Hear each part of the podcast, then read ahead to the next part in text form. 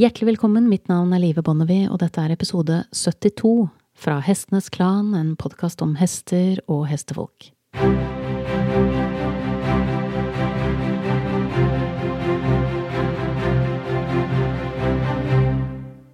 Jeg stilte egentlig meg selv spørsmålet er dette en virkelig episode?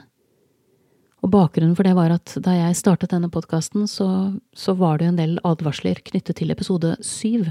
For episode syv, det er en episode som de færreste podkastere noen gang spiller inn. Man starter gjerne med en god idé, har et tanke om tematikk eller noe man har lyst til å dele, og i løpet av de første seks episodene så har man stort sett tømt ut det meste. Og når man kommer til episode syv, så er hodet blitt tomt. Og i veldig mange situasjoner så blir ikke den episoden noen gang spilt inn. Det problemet har jeg aldri hatt på denne podkasten før i dag. Det har i grunnen rent ut rundt 70 episoder. Men akkurat i dag så kjentes hodet fryktelig tomt ut. Jeg tror det dreier seg om en kombinasjon av veldig, veldig mye jobb, og at den lineupen jeg har med gjester, altså den planen jeg har lagt for høsten, raknet akkurat denne uka her. Det er jo ofte sånn at jeg bruker lang tid på å planlegge hvilke gjester jeg skal ha i studio, og jeg er jo helt avhengig av hvordan livene deres ser ut og hva som beveger seg både i mitt og deres liv, for å finne dette magiske punktet hvor det er mulig å møtes og ha denne samtalen som jeg ønsker meg. Og akkurat denne uka her så glapp på en måte alle de variantene som jeg hadde sett for meg. Det er jo sånt som skjer innimellom, og stort sett så er ikke det noe problem. For jeg har jo gjerne hatt en podkast å riste ut av ermet fordi jeg har vært veldig full av stoff, og veldig full av ting som jeg ønsket å formidle. Men 72 episoder senere så har hva skal jeg si, det indre, intense behovet for å si noe om hestenes velferd roet seg noe. Så fremfor å sitte og lage en episode som ikke fins, ut fra et hode som føles litt i overkant uh, tomt, så gjorde jeg noe annet med denne dagen. Jeg dro på stallen. For er det noe som er utrolig digg når man er sliten etter jobb på både dag og kveld og helg, så er det å tenke at nå får jobb være jobb, og sette kursen mot der hvor hesten eh, står oppstallet.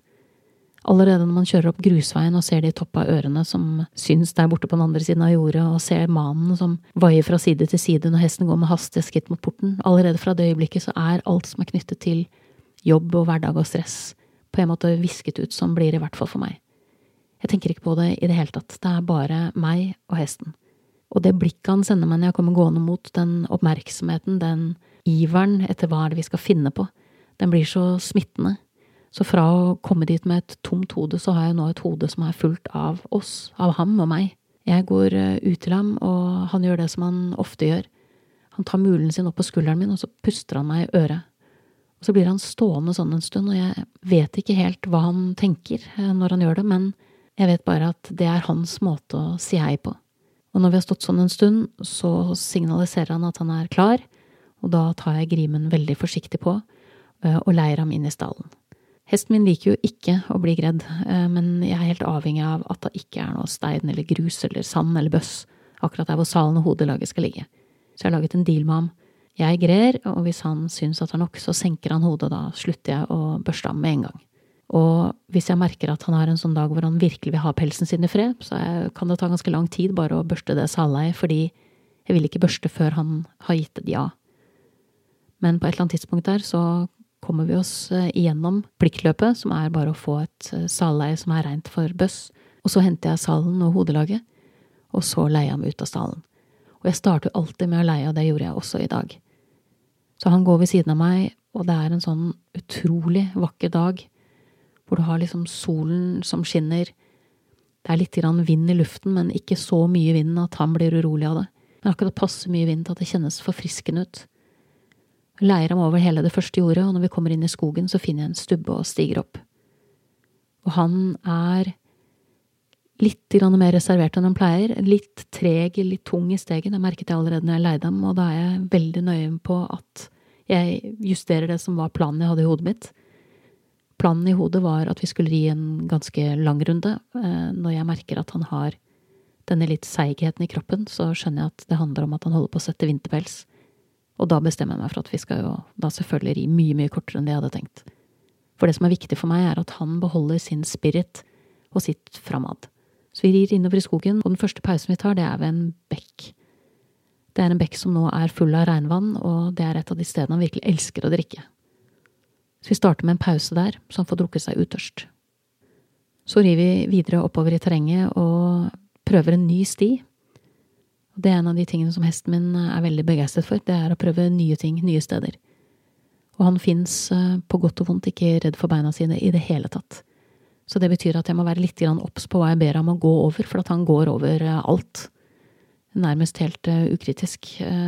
Så jeg føler at jeg må, i motsetning til mange andre hester jeg har hatt, så må jeg ta et litt sånn overordnet ansvar på å passe på hans bein, for han er ikke så flink alltid til å passe på dem selv.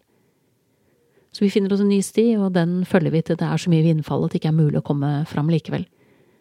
Da må vi snu og dra tilbake igjen, men da har han blitt veldig oppfrisket i modus av uh, å ha prøvd en ny sti, så han er begynt å bli veldig energisk.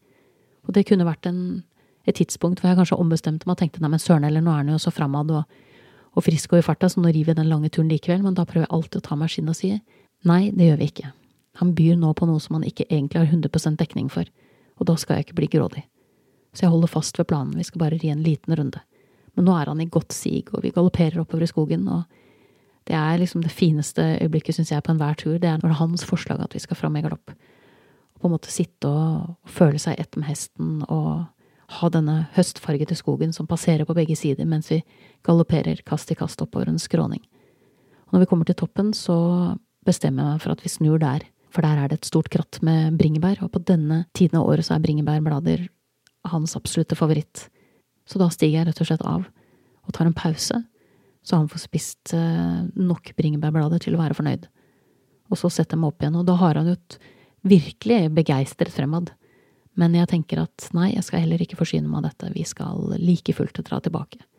Så det betyr at når vi da kommer oss ned gjennom skogen og kommer tilbake til stallen, så er han full av tilbud, og jeg eh, sier eh, takk, men nei takk, fordi at jeg tenker at eh, jeg vil at han skal ha den følelsen når vi kommer tilbake, at ikke noen har forsynt seg for grådig. Så gi ham noen godsaker når vi kommer tilbake i stallen mens jeg saler, altså får lov å spise litt kraftfôr. Ikke som noe tilskudd av noe slag, egentlig, men bare som rene, skjære kosen. Og så drar vi ut, og jeg finner et sted hvor jeg vet at det er mye kløver, som er hans andre store favoritt på denne tiden av året, og lar han gresse på det en god stund før jeg slipper ham ut igjen.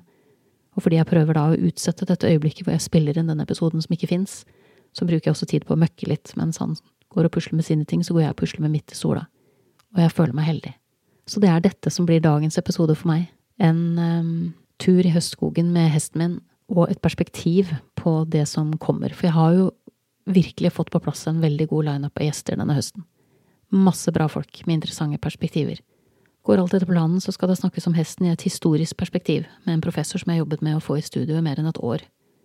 Jeg skal snakke med folk som jobber med hest som terapi, folk som har lykkes med å få hest som levevei, folk som har flyttet til et annet land på grunn av hester. Jeg skal snakke om rehabilitering av skader, myter og fakta om hoven, hest kjøpt på postordre, og hvordan man jobber med hest i filmbransjen, for å nevne noe. Kunsten i min ende blir å finne den perfekte balansen mellom jobben i filmbransjen, denne podkasten, hesten, hunden, familien, forfatterskapet. Og så får vi se hvordan det går. Jeg har jo en viss uro på at det kan bli vanskelig å få til eh, ukentlige episoder sånn som høsten ligger nå, men det jeg kan love, det er at jeg kommer til å gjøre mitt aller, aller beste. Du har nettopp hørt episode 72 fra Hestenes Klan, en podkast om hester og hestefolk. Takk til min faste komponist Fredrik Blom, og sist, men ikke minst, takk til deg, kjære lytter, for tålmodigheten. Måtte hesten for alltid være med deg.